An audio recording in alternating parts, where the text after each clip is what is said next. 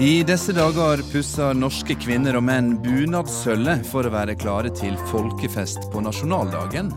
Medan landets politifolk pusser våpnene sine for å være skuddklare i banetoget på selveste 17. mai.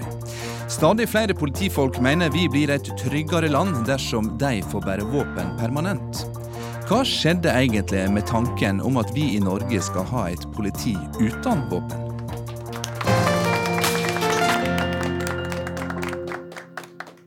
Det kan hende det går ei eh, kule varmt i disse dager på NRK P2, når vi i dag spør om Norge blir et tryggere land å bo i dersom alle landets politifolk får bære våpen til daglig. Har pistolen på hofta blitt en kjekk å ha-ting for de uniformerte? Er det terrorfaren, eller er det den kriminelle hverdagen som har blitt så knallhard at de faktisk trenger å væpne seg for å verne seg? Hit til oss kommer en som har kjent politiets kuler suse rundt ørene, og som har vært med på et væpna ran som enda med drap på en politimann. Vi snakker om Nokas-raneren Erling Havnå. Politiets Fellesforbund skal forklare hvorfor landets politistyrke for få år siden var helt imot å bære våpen, men nå vil ha pistolen på permanent. Du får også vite hva som gjorde at det svensk og dansk politi fikk våpen som fast utrustning allerede for 55 år siden. For til å ha en ubevæpna politistyrke har Norge et nokså væpna politi. Vi har hatt en eh, periode med mellombelsvæpning fra høsten 2014 til vinteren 2016. Vi har hatt såkalla punktbevæpning på visse steder. Og nå altså et samla politikorps under våpen på 17. mai. Dette gjør at vi er nokså vante med å se pistoler og maskinpistoler i gatebildet. Nå skal vi aller først spørre de som eh, politiet er til for, nemlig innbyggerne, om de kjenner seg tryggere med et væpna politi.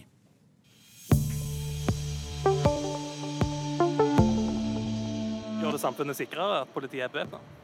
Ja, det vil jeg si. Det gjør det sikrere. Det er kortere responstid. Er ikke, der er jeg ikke sikker. Jo, jeg tenker det er mye tryggere. Det er tydelig at det synes, trengs i samfunnet. Ja, det gjør samfunnet tryggere? Ja, mm, absolutt. Det var jo den situasjonen med den somaliske dama på Grønland, var det ikke det? Så Uhell. ikke sant? Jeg har ikke opplevd at det har vært en trygg situasjon som de har klart å uh, utføre, da. men de har jo klart å skape uhell. Det har de. Når jeg tenker meg om, så tror jeg kanskje at jeg har samfunnet tryggere. For jeg tror at folk selv om jeg skulle ønske det ikke var sånn, så tror jeg at folk har respekt for våpen. Og, det, og da kan du si at du bruker makta til å gjøre uh, samfunnet tryggere. Men Kanskje det trengs. Men sånn Generelt tror du væpna politi gjør samfunnet tryggere? Nei, det tror jeg ikke. Um, hvis man f.eks. er i en folkemengde, um, for, i, altså der det er en utsatt folkegruppe, da, så, kanskje, så hadde det kanskje føltes mer trygt hvis politiet var bevæpna. Um, men som sagt så er det jo uhell, ikke sant, og det er litt sånn trigger-happy eh, politibetjente som eh, går igjen i USA osv. tenker Det hadde vært greit i noen tilfeller, men eh, det hjelper sannsynligvis ikke så mye. Nei, for det avler jo mer vold, egentlig. For da blir jo andre bevæpna, og, og da kan det fort bli skuddveksling. da liker de å beskytte seg med bommer, sånn at de ikke kommer inn i områdene.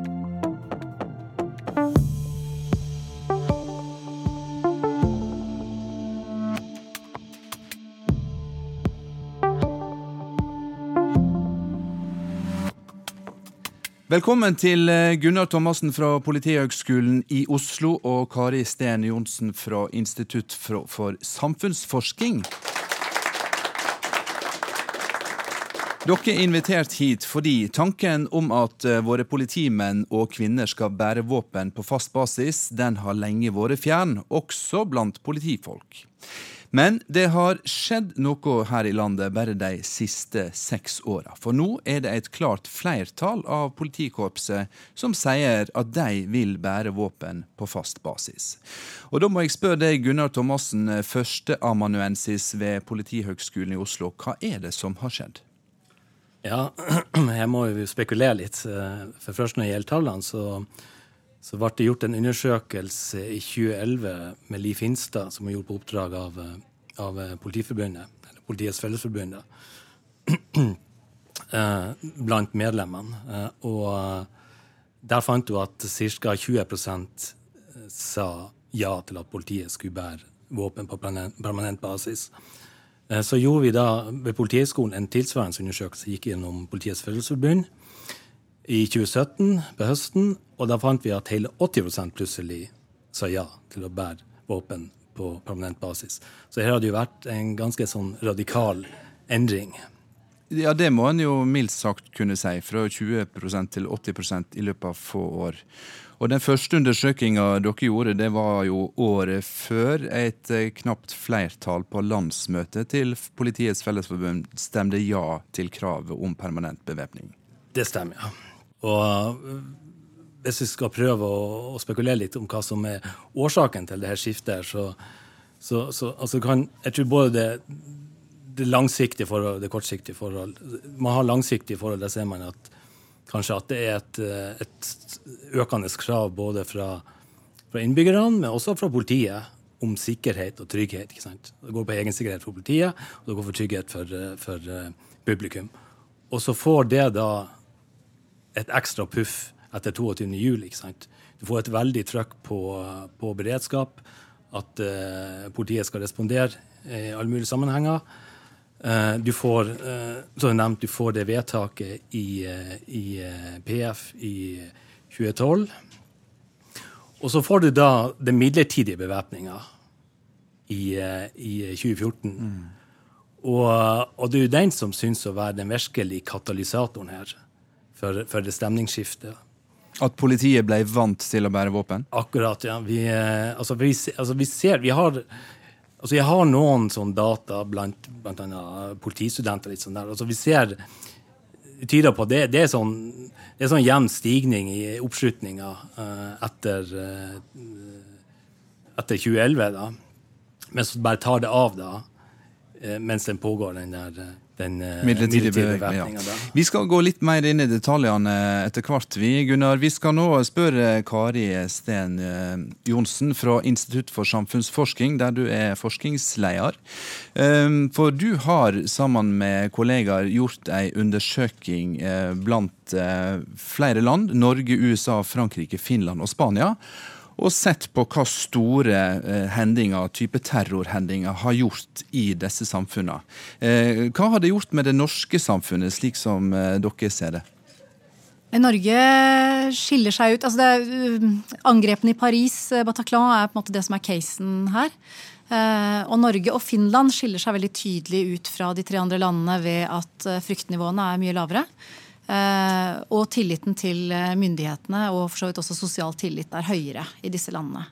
Eh, så på en måte så kunne man kanskje si at, at Norge og Finland var mindre berørt enn enn Spania, USA og Frankrike av de hendelsene. Og så finnes det jo noen, noen grunner til det også. Nærhet til hendelsene og selv å være rammet, selvfølgelig. Mm.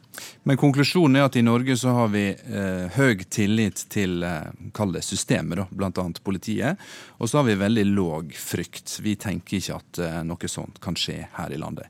Eh, tenker du at det også speiler vår holdning til et bevæpna politi? Ja, jeg tror nok at, eh, at, man vil kunne gjenfinne noen av de samme typen holdninger. At det, det, er et veldig sånn grunnleggende trekk ved det norske samfunnet, og de nordiske samfunnene for så vidt. Det å ha veldig høy tillit til myndigheter. Uh, uh, og det, disse lave fryktnivåene har vi sett igjen ved ulike, ulike tilfeller. Og, og, det er nok også slik at man kan tenke seg at disse tingene henger sammen. Så at høy tillit henger sammen med lav frykt. Samtidig så eh, er det jo slik at eh, i, hvis du spør den norske befolkninga, og det er det jo folk som har gjort, så svarer et knapt flertall at de helst vil ha et ubevæpna politi. Eh, eller i alle fall ikke et politi som, som bærer synlig våpen. Og så har vi jo også erfaringer her til lands som har minnet oss på at det verst tenkelige faktisk kan skje. har vi en tillit som gjør at vi lar politiet få, få føre denne debatten sjøl? Ja, det kan nok tenkes. Altså, vi grov litt i disse spørsmålene i en, eh, en kvalitativ studie som vi gjorde i 2016. Uh, eh, og, og, der, og, da snakket vi direkte om bevæpning, bl.a. Eh, og, da var det nok helt klart sånn at folk følte at uh, bevæpning utfordret noen verdier eh, i det norske samfunnet. Det utfordret frihet. Det utfordret en annen type tillits- eller trygghetsfølelse. men samtidig så, så, landet man på å liksom hvile i den tilliten man har til at politiet Eh, kan forvalte eh, den myndigheten man eh, gir dem. Eh, sånn på en eller annen måte så, så gir den tilliten en eller annen ro til, ja, til å gi fra seg den myndigheten. Da. Men det er ikke uten, uten en eller annen kostnad. Eh, altså det føles som det er eh, problematisk eh, i forhold til det samfunnet man egentlig har, og, og det samfunnet man ønsker å bevare. Mm. Vi skal om ikke så lenge møte ei um, politikvinne som forteller at hun sjøl var imot det som heter generell bevæpning, men har nå endra standpunkt og er for. Hun jobber i Politiets Fellesforbund. Tilbake til deg, Gunnar. Har dette som som Kari nå omtaler som et verdispørsmål, har det for politistyrken blitt nærmest et litt sånn praktisk spørsmål, tror du? Du forteller at da de hadde midlertidig bevæpning, så, så syns de det var greit? Jeg tror, jeg tror, nok politiet har en ganske sånn praktisk eh, innstilling til det. I hvert fall, altså Vi gjorde en sånn kvalitativ studie eh, før den der, der vi nettopp gikk inn og intervjua en rekke politifolk om, eh, om erfaringene fra den midlertidige bevæpninga. Og, og, det mange snakka om, det var liksom at det her hadde ja, de de var litt nervøse. De begynte å tro at det skulle bli det, mye skulle gå gærent. og skulle, Mye vådeskudd og sånn. Og, og, det var jo en liten økning i det. Men, men de fleste var liksom enige om at det, på en måte, de syntes det gikk bra. Og de så liksom, altså Det, det de hadde av motforestillinger, hadde på en måte falt bort. Så det var, det var, ikke sånn at de var sånn gang ho, yes, vi vil ha våpen. Men det var mer sånn at ja, det funka bra. De så ikke noen grunn til at de ikke skulle ha det. Det var mer sånn, det er et verktøy. Så, så det, var, det er veldig sånn praktisk eh, tilnærming til spørsmålet. Vi skal tilbake til stikkordet tillit. Eh, for du Gunnar, forsker jo bl.a. På, på tillit mellom publikum og politi. Og du Kari, har gjort en undersøking som bl.a. handler om vårt tillit til systemet når eh, store f.eks. terrorhendinger skjer. Hva tror du, Gunnar, at ei permanent væpning av det norske politiet gjør med tillitsforholdet mellom oss som publikum og de som er i uniform? Ja, det er tusenkronersspørsmålet. Ja. Um, jeg, jeg, vet, jeg tror kanskje ikke um, Jeg tror ikke, jeg tror ikke våpenet i seg sjøl egentlig vil ha så mye å si. Altså, de fleste nordiske landene har høy tillit til politiet, da. enten de er bevæpna eller ikke. Da.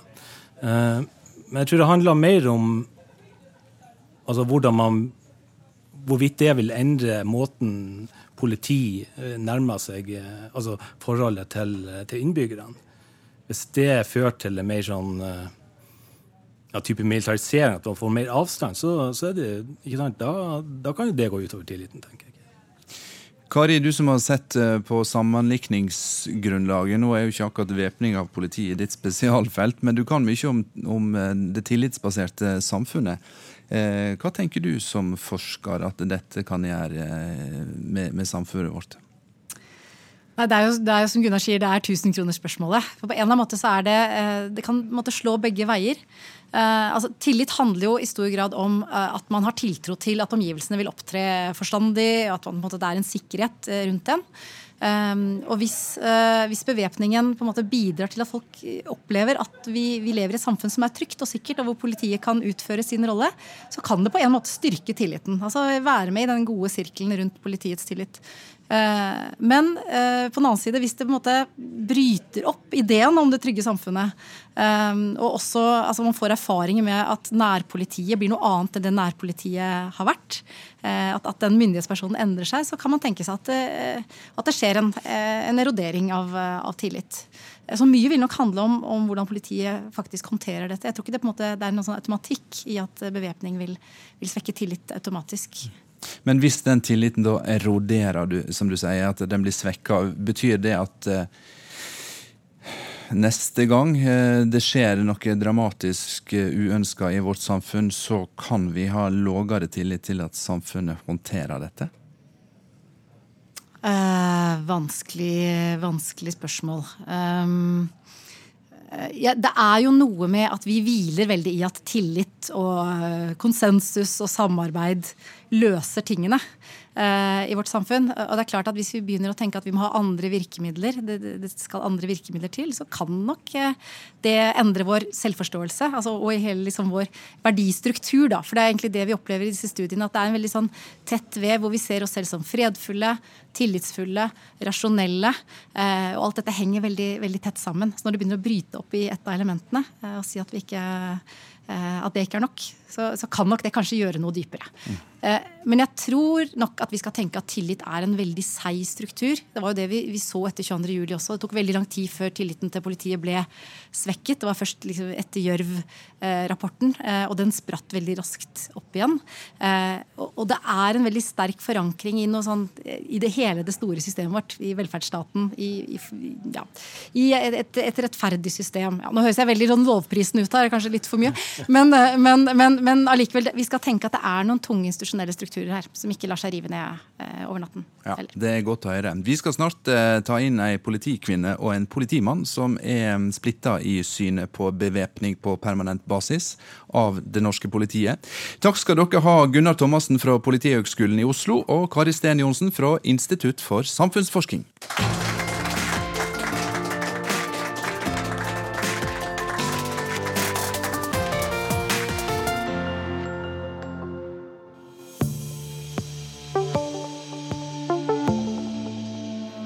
Er du for eller mot bevæpning av politiet? Imot. Hvorfor? Eh, man har ikke kontroll over eh, hvem politimennene er. Det er situasjoner hvor de også blir provoserte og aggressive. Man vet aldri. Og så blir det jo normalisert, da. Er du for eller mot bevæpning av politiet?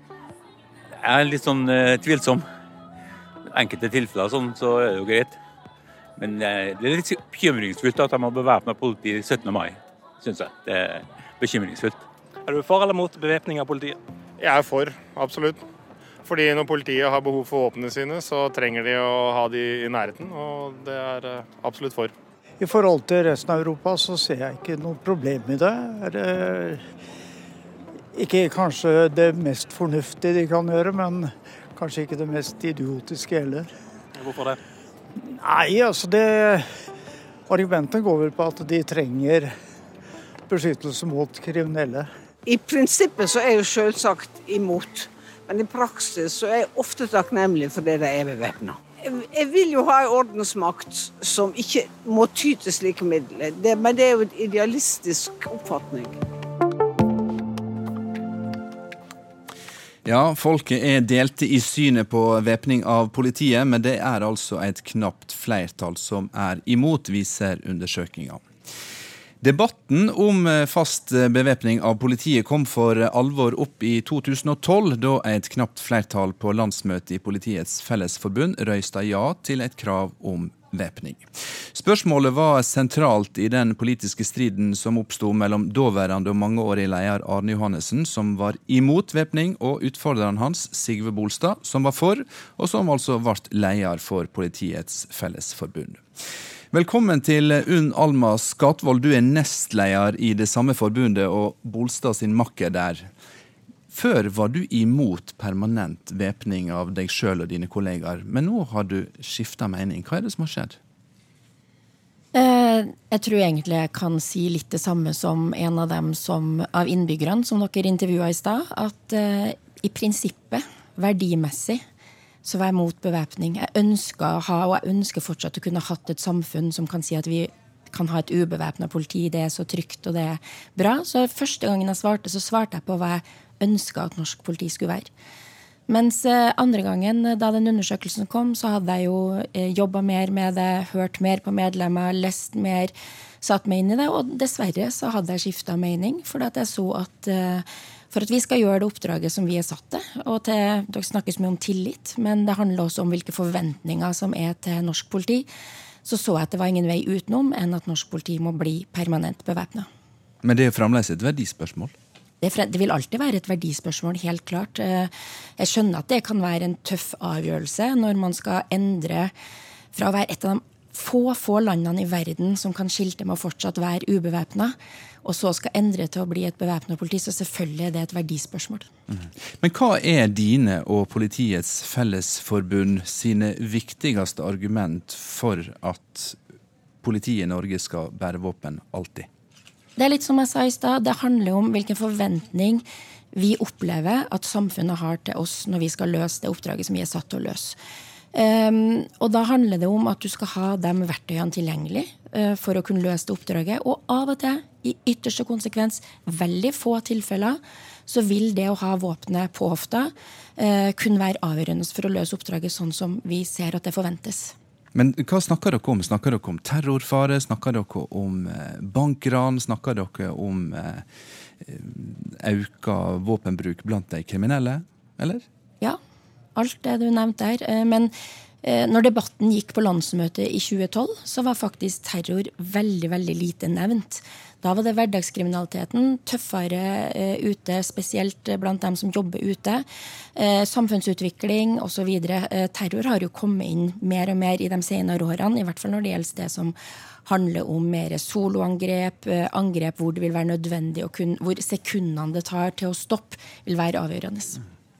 Arne Jørgen Olafsen eh, sitter rett ved siden av deg ikledd uniform fordi han er sjef for Politiets utlendingsenhet.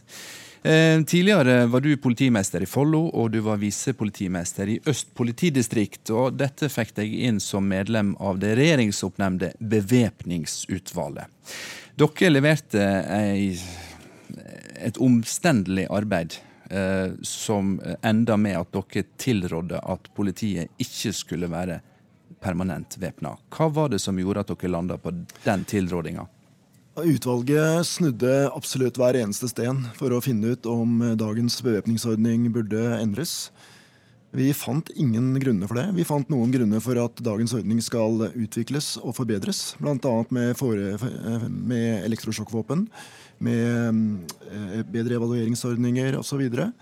Men vi klarte ikke å finne noe som helst grunnlag for å eh, gjennomføre eller foreslå at politifolk skal bære våpen permanent på hoften. Eh, vi må huske på at dette er ikke en debatt om for eller mot bevæpning av politiet. Politiet i Norge er i dag tungt bevæpnet med, biler, nei, med mm, våpen lett tilgjengelig i bilene. Det er en diskusjon om man skal ha våpen på hoften eller ikke.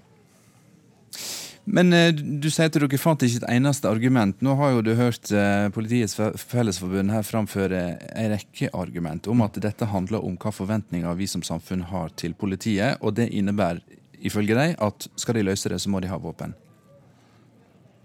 Ja, det er eh, ingen statistikk som viser at samfunnet har blitt farligere. Vi hører vandrehistorier og påstander om det, men finner altså ikke noe belegg for det. Eh, når det gjelder verdigrunnlaget, så intervjuet vi eh, Eller vi hadde en gruppe mennesker som intervjuet forskjellige deler av befolkningen. Og tilbakemeldingene er at stor, veldig mange ønsker et eh, politi som er ubevæpnet. Altså at møtet mellom politi og publikum foregår mest mulig likeverdig. På den måten at politiet har som hovedregel at de er ubevæpnet. Særlig marginaliserte grupper, eh, ungdommer med minoritetsbakgrunn osv., var tydelige på at terskelen for å ta kontakt med politiet blir høyere dersom politiet er bevæpnet, eh, og at det blir et, eh, et, et forhold mellom, i maktbalansen mellom politi og publikum som er fremmed for det samfunnet Norge skal representere. Unn Alma Skatvold, er, er du fremmed for tanken om at hvis jeg som borger i Norge møter deg som politikvinne, og du har en pistol på hofta, så gjør det noe med stemningen oss imellom, hadde jeg sagt? Og tilliten? Jeg hører at sånne argument blir lagt fram, men, men, jeg kan bare støtte meg til medlemmene våre. Og vi hadde jo en periode på 14 måneder med midlertidig bevæpning. Eh, og som du sa i utgangspunktet før det, så var veldig, veldig mange i norsk politi mot permanent bevæpning. Allikevel, når vi har spurt dem i ettertid, de merka ingen forskjell på om folk var mindre villige til å ta kontakt, eller at det gjorde noe med tilliten, eller at de merka at uh, samtalen De, de merka ingen forskjell. Derimot så var det nesten flere som også kom bort og var nysgjerrige og stilte spørsmål. Så, så de merka ingen forskjell på det. Og det, uh, vi har spurt mange av medlemmene våre rundt det, og ikke fått noe på det. altså. Ja, Det er riktig, som Skatvold sier, at uh, politifolk flest merket ingen forskjell. Eh, utvalget dykket virkelig i hva som skjedde denne perioden. Vi merket at eh, det ble flere vådeskudd. Politifolk hadde i noen grad en tendens til å storme eller gå inn i oppdrag med mindre planlegging. Mindre hjelp fra både operasjonelt og taktisk nivå. Man følte seg litt for trygg med våpen på hoften.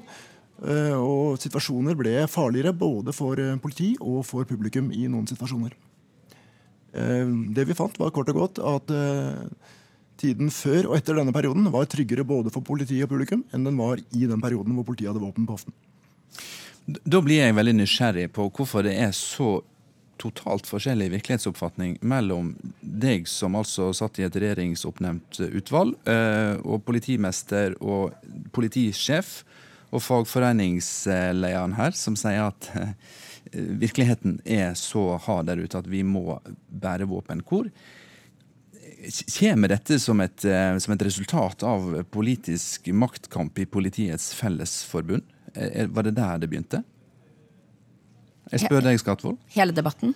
Ja, altså fordi det har vært voldsom endring av politiets eh, oppfatning av dette på veldig kort tid. Så lurer jeg på hva var det som skjedde som gjorde at så mange ombestemte seg på så kort tid? Nei, men Det tror jeg vi fikk belyst egentlig godt i stad. Det er flere årsaker til det. Det ene er samfunnsutvikling, inkludert terror, som du sier, opplevelsen, hvordan det er ute. Det andre, som det ble påpekt her i stad, perioden med midlertidig bevæpning endra nok eh, synet for veldig veldig mange ansatte. Fordi at man opplevde at det, det slo ikke til, til, Det kom ikke fram. Det som man hadde frykta, all svartmalinga i forkant, slo faktisk ikke til. Det som Arne Jørgen sier om vådeskudd, mener jeg er direkte feil. For vi, vi, registrerte ikke vådeskudd på samme måte før den midlertidige bevæpninga. Og dermed kan man ikke bruke den type statistikk. Så, så veldig mye av dem tankene og spådommene man hadde i forkant, ble rett og slett gjort til skamme. Eh, og det er også statistikker som viser at faktisk politiet trakk våpenet færre under den altså færre ganger under den midlertidige bevæpninga enn man gjorde når man har midlertidig bevæpning. Så ja, statistikk eh, man kan lete og finne, men, men jeg tror den endringa handler Vi må jo lytte til medlemmene våre og hvordan de opplever det de har et sterkt samfunnsansvar. De har et virkelig ønske om å, om å, løse samfunnsoppdraget og ha høy tillit i befolkninga. Og når de sier at det dessverre har kommet dit, for det er veldig mange som sier dessverre har kommet dit, så lytter vi til det, og det gjør at vi har den innstillinga vi har. Og så har jeg, jeg hørt også i stad det ble sammenligna med USA, det ble sammenligna med andre nordiske land. Norge har en av verdens beste politiutdanninger, med treårig høyskole, med et hardt nåløye å komme gjennom. Eh, har full tillit til at vi håndterer den situasjonen på en veldig veldig god måte i Norge. Mm.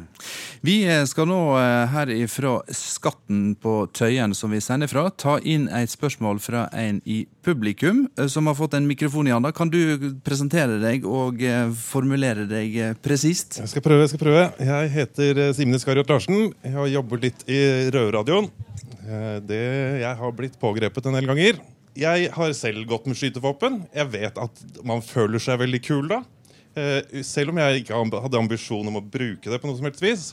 Eh, jeg vil tro at denne bevæpningen hvor eh, folk har, politifolkene har gått med våpen, at det har gitt mersmak. Og jeg skjønner ikke hvordan Politiets Fellesforbund kan benekte forskningen fra mannen ved hennes side. Har du lyst til å svare på dette? Er, er våpen blitt en sånn eh, kjekk å ha-ting? Nei. Det er blitt en eh, nødvendighet, dessverre. Eh, eh, og hans påstand får stå for hans del, men jeg mener jo at i, i den selekteringa vi har inn til Politihøgskolen, så, så er, plukker man ut dem som eventuelt skal være den i den kategorien som du sier der. Så, så jeg kjenner ikke igjen det bildet. Eh, ja, jeg er enig med Skatvold i at norsk politi er veldig godt utdannet og godt kvalifisert for å bære våpen. Men jeg merket meg at eh, Gunnar Thomassen nevnte, brukte begrepet eh, verktøy om våpen på hoften. Og det mener jeg er en utglidning. Dette er et maktmiddel, og et veldig drastisk og radikalt maktmiddel. Og det å hverdagsliggjøre, det å ha en pistol på hoften på den måten, er en dreining som, som er uheldig for den norske politimodellen.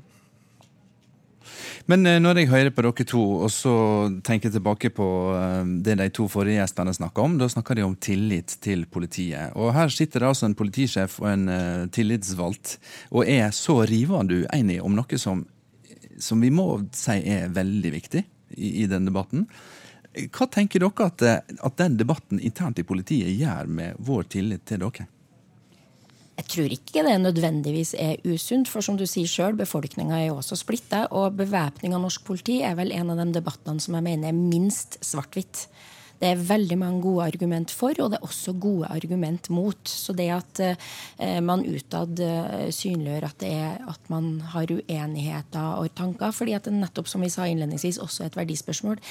Jeg tror kanskje det styrker tilliten sånn sett. Mm. Men er ikke det ganske mye som har skjedd i vårt samfunn Olafsen, som, som gjør at, eh, at, det er et helt legitimt krav fra landets uh, politimenn og -kvinner å få, få beskytte seg sjøl for å kunne beskytte andre? Det er skjedd eh, betydelige samfunnsendringer i perioden. og det er klart at Gjørv-kommisjonen har gjort veldig mye med, med, holdningene internt i politiet. Og da må vi bare, For de som har glemt Gjørv-kommisjonen, det var altså kommisjonen som granska eh, terrorhendelsene 22.07. Ja. og politiets arbeid både før, under og etter. Eh, Hva er det den, den rapporten har gjort med oss? Nei, Den har nok i større grad eller, åpnet for en type verstefallstenkning. Og at vi skal beskytte oss mot det utenkelige. Eh, min påstand er at eh, risikooppfatningen har endret seg voldsomt i samfunnet, og i, mm, også internt i politiet. Og er kanskje en av de viktigste årsakene til at man i, dag, selv om man ikke kan bevise at ting har blitt farligere, er, eh, er, større, er mer tilbøyelig for å gå for ordninger med våpen på hoften enn man var tidligere. Vi skal ta inn en ny publikummer med mikrofon i handa. Vær så god. Jan, vi lar dette her litt tilfeldig forbi, forbipasserende publikum uh, som interesserte interessert meg for debatten. I hvilken grad finnes det gode uh, samtaler og samarbeid uh, politier landene imellom? Det er det ene spørsmålet som kan dvele litt rundt. Det andre handler om Finnes det samfunn som har gått fra en fast bevæpning til en mindre fast bevæpning, som man kjenner til? Jeg kan i hvert fall si at uh, Det utvalget som jeg satt i, det um, var i Sverige, og vi var i England og vi var i Skottland. Uh, og Det er jo utstrakt politisamarbeid. Og Det er riktig som Johannes Knutson fortalte innledningsvis her, at uh, svenskene fikk våpen på hoften når de ble statlig. Og Det er, må det ikke vært noen diskusjon rundt det. Etter det, Jeg kjenner ikke til at det er land som har vært permanent bevæpnet, som har gått i motsatt retning. Eh, og Nettopp derfor så er dette spørsmålet så utrolig viktig. Eh, fordi det er antagelig no point of no return hvis vi går til det skritt og bevæpner politiet permanent. Mm. Og Det er litt paradoksalt at det er eh, Man nærmest må begrunne og fortsette med en ordning som har vært en gedigen suksess siden slutten på 70-tallet. Det har ikke vært én hendelse siden slutten på 70-tallet hvor dagens bevæpningsmodell har vist seg å ikke holde mål. Uh, og så blir på en måte argumentasjonen snudd opp ned ved at det er de som ønsker å bevare modellen, som må argumentere uh, for, en modell som har vært en uh, voldsom suksess gjennom mange mange år. Skatvold, er det mulig å reversere en ordning dersom en innfører permanent bevæpning og angrer seg? Nei, Der er jeg nok enig med Arne Jørgen. at jeg tror, og, jeg tror, det er vanskelig hvis man først endrer og faktisk uh, går tilbake. Det tror jeg nok. Det, det er jeg enig i. Uh, jeg vil jo si at En av grunnene til at Politiets Fellesforbund tok opp også debatten når vi gjorde det, og fortsatte å holde på den debatten, det er jo at uh, sånn som ble beskrevet i forhold til Danmark, det å få en tragisk hendelse og så fatte en beslutning pga. det, da blir det fatta på en måte litt i affekt og med mye følelser. Så vi har jo ønska å ha en debatt for å rett og slett kunne ta en avgjørelse uten at det ligger en sånn tragisk hendelse bak. Mm. Og så har jo eh, spørsmålet om permanent bevæpning av politiet eh, det til felles med annen stor eh, politisk sak i vårt samfunn, som handler om et eventuelt norsk EU-medlemskap. Der er også befolkningen delt. Og så er det jo da et politisk spørsmål, et verdispørsmål, som politikerne til slutt skal fatte vedtak om. De har jo da mellom annet lest rapporten fra bevæpningsutvalget. Takk skal dere ha begge to, Unn Alma Skatvold fra Politiets Fellesforbund og Arne Jørgen Olafsen, som var med i bevæpningsutvalget. Du hører NRK P2.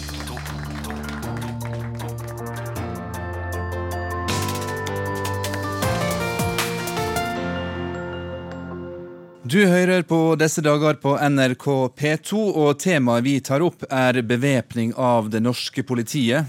Bør de få bære våpen på hofta som standard utrustning, slik det er bestemt at de skal gjøre på 17. mai? Velkommen til eh, disse dager på P2, Erling Havnå. Takk. Dette er jo en eh, kanal du har eh, hadde nær sagt, hørt kriminelt mye på.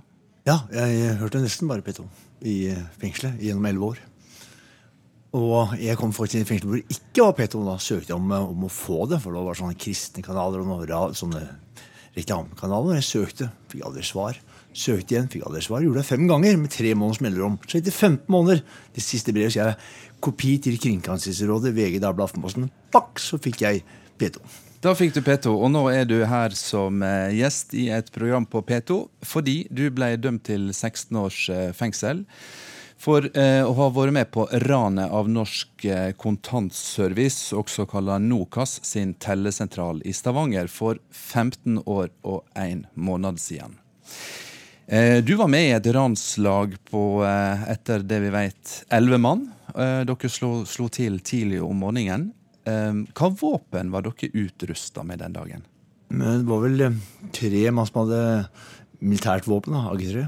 Og så var det en eller to som hadde tomannsvåpen, resten var med enhåndsvåpen. Jeg hadde ikke bevæpning, men mm. Du hadde. Det var tungt, da.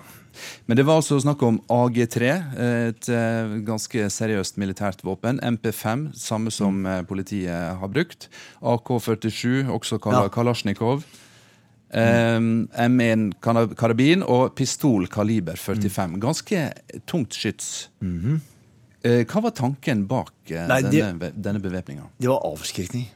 Så Som forsvar er, så er det jo det å ha så god forsvar at ingen angriper deg. Så det var det som var tanken bak det. Um, man går ikke til, på et torg med militære drapsvåpen for å skyte hvis ikke du er terrorist. Altså. Så det var selvfølgelig ikke med, noe som hadde den tanken at det skulle skje. Så, eh, så dumme var vi. Mm. Meninga var altså ikke å bruke våpnene, men å avskrekke i dette tilfellet politiet, som ja. dere antok vil komme etter dere. Mm. Det stemmer. Og så gikk det som det gikk. Én politimann eh, ble drepen, og ranslaget Randslaget havna til slutt i fengsel. Noe som du har jo sagt at du er glad for, at politiet gjorde det de kunne for å, å ta dere. Eh, men hva har du tenkt nå i ettertid om våpenbruken i dette ranet? Fordi dere hadde en, en plan om å avskrekke politiet. Altså, jeg hadde jo en plan om det. Den planen slo da bare ikke gjennom. Men jeg må si at altså, Nokas-an er ekstremting. Det er, altså, Snakk om bevæpning av politiet, så kan du ikke ta en Nokas-an som et eksempel. Liksom, for det, Du kan ikke bevæpne folk mot sånne ting. Eller politiet, så de til enhver tid kan ta imot et sånt lag. Det går jo ikke an. Så, øh, men selvfølgelig, altså det jeg Personlig så sier jeg bare fordeler og ulemper med, med bevæpning. Altså, jeg har jo kjenner kameraten som er politi, ja, som eh, er for. Og når de snakker, det er veloverveid, og de argumenterer, så er det vanskelig å finne motargumenter. fordi de står jo med det her. Eh, og vice versa de som er imot, eh, som er politifolk, som er imot bevæpning. Det er vanskelig å, å, diskutere og finne noe å holde på de også, som du kan ta henne på. Så, så jeg, Det virker som i hvert fall fleste politifolk er veldig bevisst, og de tar ikke lettvint på det. Det gjør de ikke. Men de som argumenterer eh, for at politiet bør bære våpen til enhver tid, eh, noen av de hevder jo at eh, det har blitt hardere. De kriminelle miljøene er tøffere. Det er mer våpen i omløp, det er tyngre våpen, og det er en større vilje til å bruke våpen. Nå kjenner ikke jeg det sånn detalj, men hvis, hvis, verden er hardere enn oss, og verden kommer til oss, så blir det hardere her.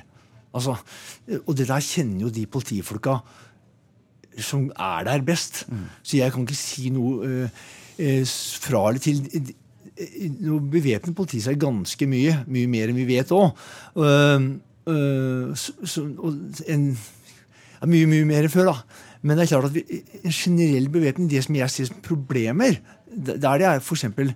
Hva skal jeg si, han, han politimannen eller to som kommer inn på en ungdomsfest hvor det er 20 mann, og så blir litt hongemenn. Altså, hvor, hvor, lett det er å dra ut den, eh, den, pistolen og lage noe som aldri burde vært. Mm. Så øh, folk kan, altså Ungdom kan bli fulle. De kan ikke være tunge kriminelle.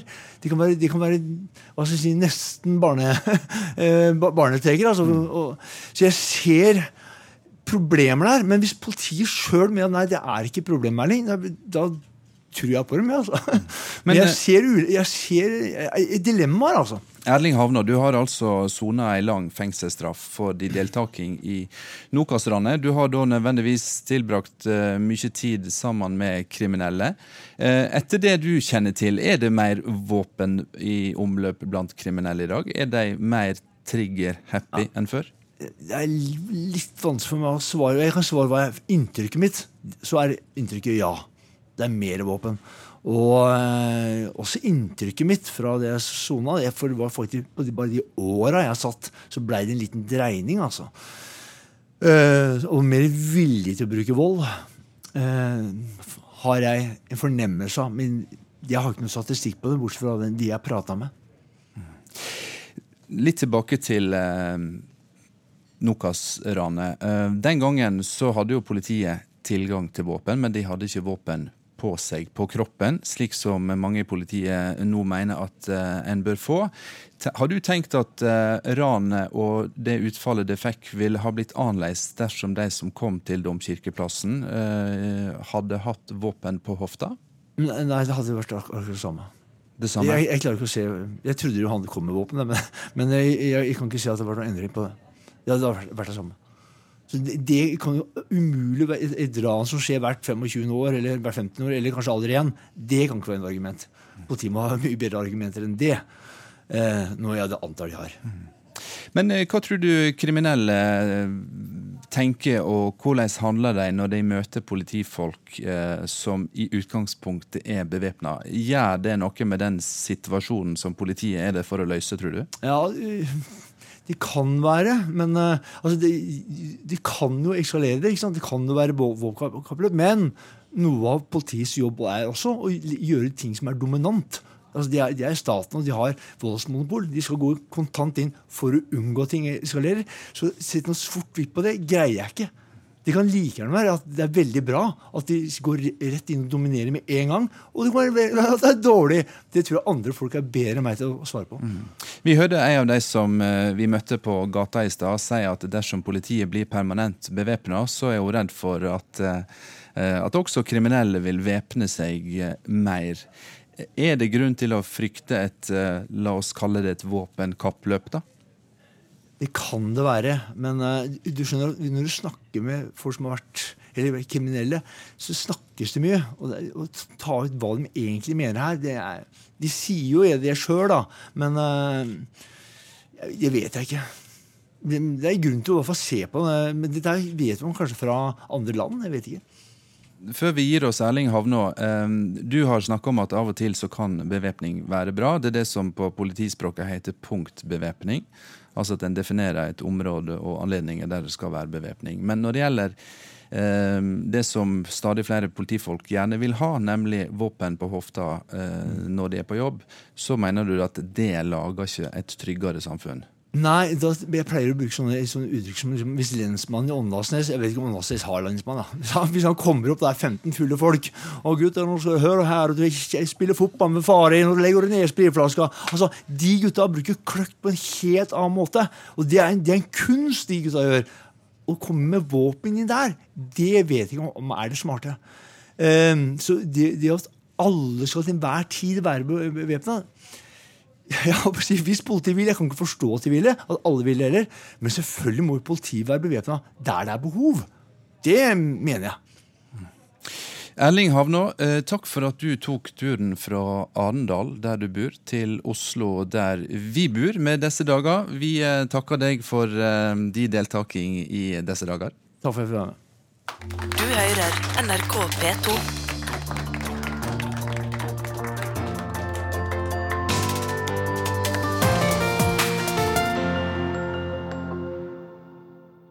Det er nytt at et samla politikorps er væpna på jobb i høve nasjonaldagen 17. mai, slik de skal være i år. Men debatten om bevæpning av norsk politi er ikke ny. Selv om sammenlikna med ordensmakta i Sverige og Danmark, så er den det. For i begge våre naboland har politiet fått bære våpen som fast del av uniformen siden 1965. Velkommen til oss i disse dager, Johannes Knutson. Du er nå pensjonert professor, men tidligere forsker ved Politihøgskolen i Oslo. Og slik kjenner du derfor den norske våpendebatten eh, svært godt. Um, la oss starte, Johannes, med det landet du nå bor i, Sverige. Hva var det som gjorde at svensk politi ble permanent væpna allerede for over 50 år siden? Ja, bakgrunden är inte alldeles klar men vad som hände 1965 det var ju att vi fick en förstatligad politi. Eh, från att vara väldigt splittrat i små eh, kommunala politidistrikt så tog staten över. Och i samband med det så skedde ju en väldigt stark upprustning av politiet. Eh, bilar, helikoptrar, datorer. Och i samband med det så kom också beväpning. Jag tror att det hänger samman med någon slags tanke om en modernisering. Att eh, nu har Sverige lämnat det gamla bakom sig. Vi har nu ett modernt politi och ett politi som är modernt, de har också tillgång till skyttevapen. I och för sig så fanns det ju tillgång till skyttevapen tidigare men det var ju bara i eh, särskilda patruljebilar som man hade det och sedan hade man möjlighet till beväpning under nätterna. Men, men så får vi ett normalläge då 1965. Mm. Men Johannes, i Danmark så var det en konkret og tragisk hending som utløste kravet om eh, bevæpning av politiet. Ja, det hengde sammen med en eh, veldig eh, hemsk hendelse der en person skjøt ihjel et antall polititjänstepersoner.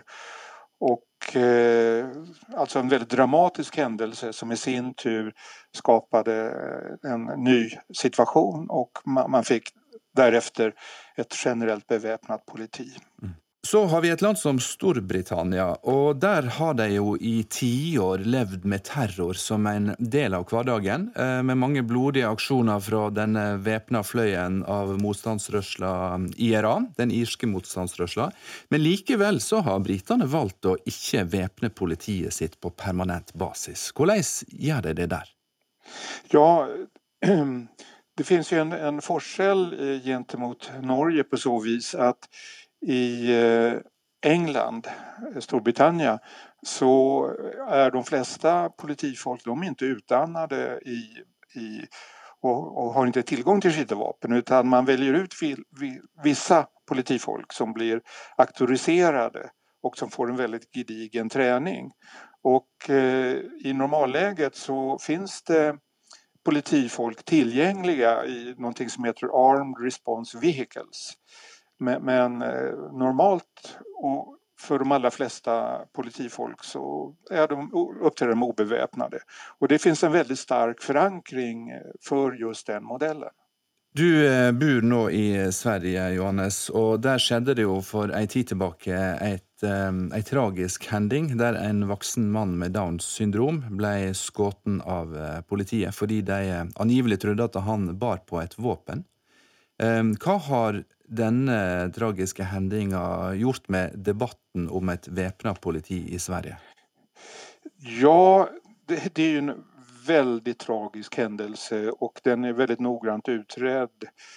Eh, utan eh, det, det, jeg har sett og som, som gjør meg veldig bekymret, det er at vi har haft en veldig sterk økning i antalet dödsskjutningar. Altså da politifolk i tjeneste bruker sine skytevapen, og så får vi en dødelig utgang.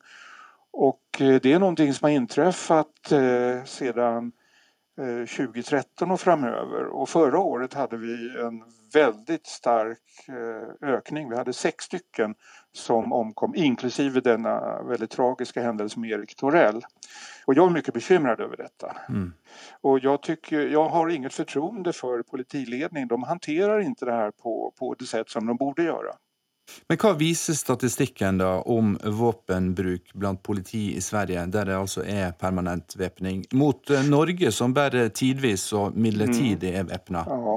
Jo, jag har forsøkt å følge det der, og nå under de aller siste årene, og særlig nå siden jeg ble pensionist så har jeg ikke gått in eh, så nøyaktig i det hele. Men vi hadde jo en, en situation i de undersøkelsene som jeg gjorde enskilt eller tillsammans med, med kollegor så visade det sig då när det för svensk del att vi hade en väldigt stabil situation med drygt en, genomsnittligt en person som omkom eh, beroende på att de blev skjutna av politi. Och eh, jämfört med Norge så om man tar hänsyn till befolkningsantalet eh, så blir det en, en mycket högre frekvens än fyra till fem gånger högre frekvens i Norge, förlåt i Sverige. Och det som har hänt under senare år det är den här starka stegringen. Vi har haft alltså istället för en eh, drygt som gällde genomsnittligt eh, mellan 1990 och fram till 2012 så är vi uppe i tre stycken genomsnittligt sedan 2013. Och det här tycker jag inte man har riktigt tagit fasta på och insett allvaret av. Og dette har gått litt under radaren eh, i den svenske debatten, är det det du säger? Ja, jag tycker nog det. Framförallt så har ju man, man på i den eh, politibyråkratin så tycker jag inte att man, man, man har, har skönt det här riktigt och förstått allvaret i det hela. Sen har vi då fått en ny en eh, förändring i politiorganisationen. Så nu sitter alltså de som är sakkunniga och har hand om det här spörsmålet om utandningen av politifolk. De kommer alltså från motsvarande eh, alltså en insats, den nationella insatsstyrkan och de är ju helt inriktade på terror och, och på stora händelser istället för det som normalt eh, gäller när politiet benyttar skytevapen. Mm. Basert på alle sammenlikningene du har gjort, Johannes, for du har sett på bevæpningsprinsipper og debatten i flere land. Basert på den sammenlikninga du har gjort, eh, så har du landa på et eh, kritisk standpunkt til permanent bevæpning av politiet. Hvorfor mener du at det er et galt valg å gjøre?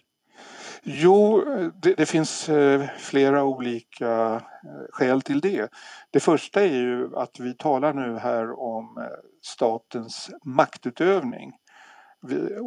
Vilket innebär att i vissa situationer så har politiet en fullmakt, de har rätt och möjlighet att döda för att avvärja någon fara av något slag. Och det är ju något väldigt särskilt. Jag har det som utgångspunkt. Vad är det för samfund? Vad har staten givit för, för fullmakter. Det andra är att det finns en alldeles förenklad syn på skyttevapen.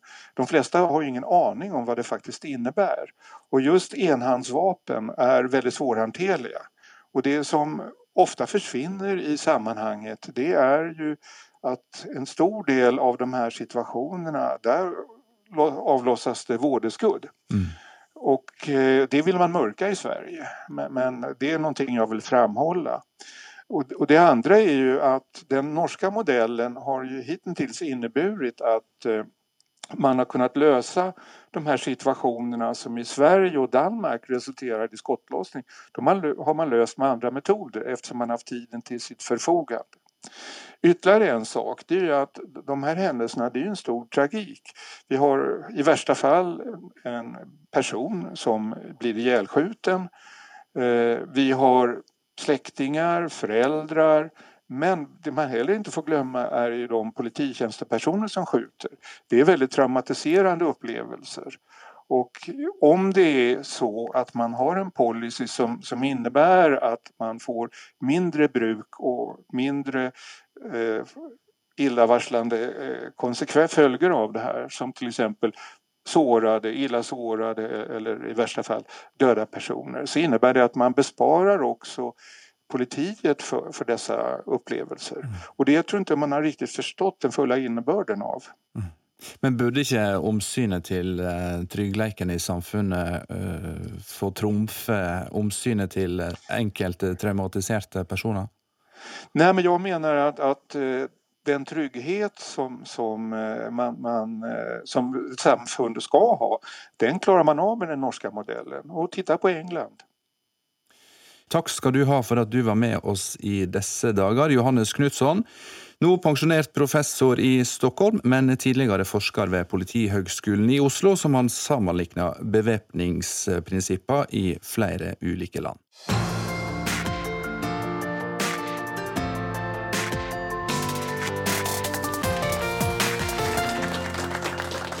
Takk til eh, publikum her på Skatten på Tøyen i Oslo. Takk til eh, de som var med meg å lage denne sendinga. Reporter Ola Solheim, teknisk ansvarlige Helje Thorsdatter Svensson, Geir Døli Gjersjø, produsent Ragnhild Vartdal og altså meg, programleder Håkon Haugsbø.